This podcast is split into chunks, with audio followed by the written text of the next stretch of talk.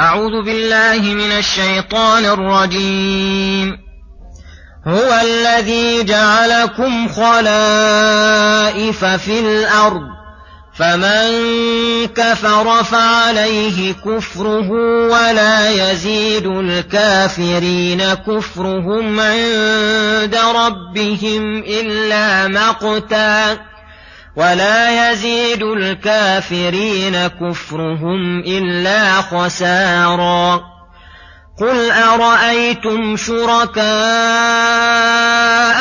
الذين تدعون من دون الله أروني ماذا خلقوا من الأرض أروني ماذا خلقوا من الأرض أم لهم شرك في السماوات أم آتيناهم كتابا فهم على بينة منه بل إن يعد الظالمون بعضهم بعضا إلا غرورا إن الله يمسك السماوات والأرض أن تزولا ولئن زالتا إن أمسكهما من أحد من بعده إنه كان حليما غفورا واقسموا بالله جهد ايمانهم لئن جاءهم نذير ليكونن اهدى من احدى الامم فلما جاءهم نذير ما زادهم الا نفورا استكبارا في الأرض ومكر السيء ولا يحيق المكر السيء إلا بأهله فهل ينظرون إلا سنة الأولين؟ فلن تجد لسنة الله تبديلا. ولن تجد لسنة الله تحويلا. أولم يسيروا في الأرض فينظروا كيف كان عاقبة الذين من قبلهم وكانوا أشد منهم قوةً. وما كان الله ليعجزه من شيء في السماوات ولا في الأرض انه كان عليما قديرا ولو يؤاخذ الله الناس بما كسبوا ما ترك على ظهرها من دابه ما ترك على ظهرها من دابة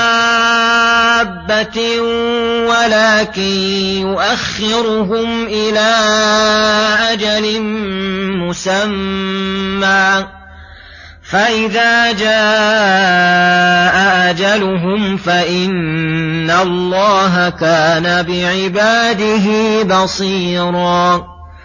بسم الله الرحمن الرحيم السلام عليكم ورحمة الله وبركاته. يقول الله سبحانه هو الذي جعلكم خلائف في الأرض فمن كفر فعليه كفره ولا يزيد الكافرين كفرهم عند ربهم إلا مقتا الآيات. يخبر تعالى عن كمال حكمته ورحمته بعباده أنه قدر بقضائه السابق أن يجعل بعضهم يخلف بعضا في الأرض ويرسل لكل أمة من الأمم النذر فينظر كيف يعملون. فمن كفر بالله وبما جاءت به رسله فإن كفره عليه وعليه إثمه وعقوبته. ولا يحمل عنه أحد ولا يزداد الكافر بكفره إلا مقت ربه له وبغضه إياه. وأي عقوبة أعظم من مقت الرب الكريم. ولا يزيد الكافرين كفرهم إلا خسارا. أن يخسرون أنفسهم وأهليهم وأعمالهم ومنازلهم في الجنة. فالكافر لا يزال في زيادة من الشقاء والخسران. والخزي عند الله وعند خلقه والحرمان. ثم يقول تعالى معجزا لآلهة المشركين ومبينا نقصها وبطلان شركهم من جميع الوجوه.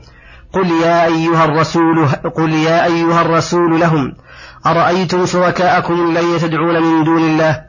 أيخبروني عنهم؟ هل هم مستحقون للدعاء والعبادة؟ أروني ماذا خلقوا من أرض؟ هل خلقوا بحرا؟ أم خلقوا جبالا أو خلقوا حيوانا أو خلقوا جمادا. سيقرون أن الخالق لجميع الأشياء هو الله تعالى. أم لهم أي لشركائكم شرك في السماوات أي مشاركة في خلقها وتدبيرها. سيقولون ليس لهم شركة في ذلك. فإذا لم, فإذا لم يخلقوا شيئا ولم يشركوا الخالق في خلقه فلم عبدتموهم ودعوتموهم مع إقراركم بعجزهم. فانتفى الدليل العقلي على صحة عبادتهم ودل على بطلانها ثم ذكر الدليل السمعي وأنه أيضا منتف فلهذا قال أم آتيناهم كتابا يتكلم بما كانوا به يشركون يأمرهم بالشرك وعبادة الأوثان فهم في شركهم على بينة منه أي من ذلك الكتاب الذي نزل عليهم في صحة الشرك. ليس الأمر كذلك فإنهم ما نزل عليهم كتاب قبل القرآن ولا جاءهم نذير قبل رسول الله محمد صلى الله عليه وسلم. ولو قدر نزول كتاب إليهم وإرسال رسول إليهم وزعموا أنه أمرهم بشركهم فإنا نجزم بكذبهم لأن الله قال وما أرسلنا من قبلك من رسول إلا نوحي إليه أنه لا إله إلا أنا فاعبدون. الرسل والكتب كلها متفقة على الأمر بإخلاص الدين لله تعالى. وما أمروا إلا ليعبدوا الله مخلصين له الدين حنفاء. فإن قيل إذا كان الدليل العقلي والدليل النقلي قد دل على بطلان الشرك فما الذي حمل المشركين على الشرك؟ وفيهم ذوي العقول والذكاء والفطنة. أجاب تعالى بقوله بل إن يعد الظالمون بعضهم بعضا إلا غرورا.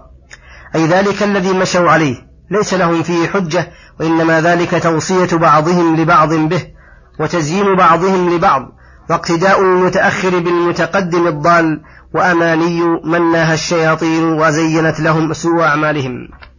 فنشأت في قلوبهم وصارت صفة من صفاتها فعسر زوالها وتعسر انفصالها فحصل ما حصل من الإقامة على الكفر والشرك الباطل المضمحل.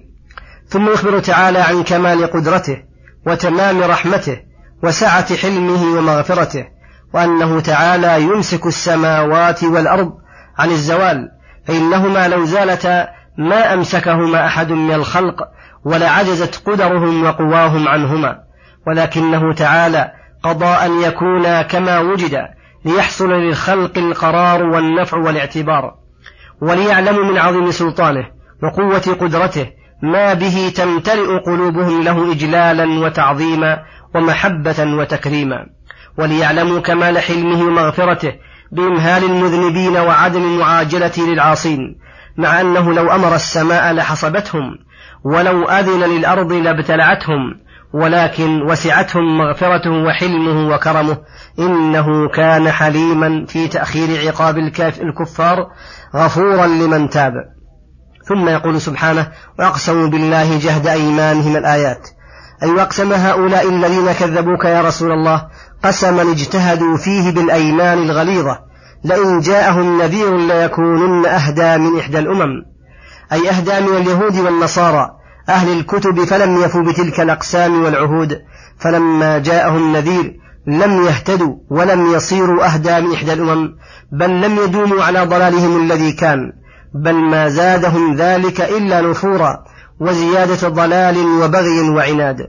وليس إقسامهم مذكور لقصد حسن وطلب للحق وإلا لو وفقوا له ولكنه صادر عن استكبار في الأرض على الخلق وعلى الحق وبهرجة في كلامهم هذا يريدون به المكر والخداع وأنهم أهل الحق الحريصون على طلبه. فيغتر بهم المغترون ويمشي خلفهم المقتدون ولا يحيق المكر السيء الذي مقصوده مقصود سيء ومآله وما يرمي إليه سيء باطل إلا بأهله. فمكرهم إنما يعود عليهم. وقد أبان الله لعباده في هذه المقالات. وتلك الأقسام أنهم كذبة في ذلك ومزورون. فاستبان خزيهم.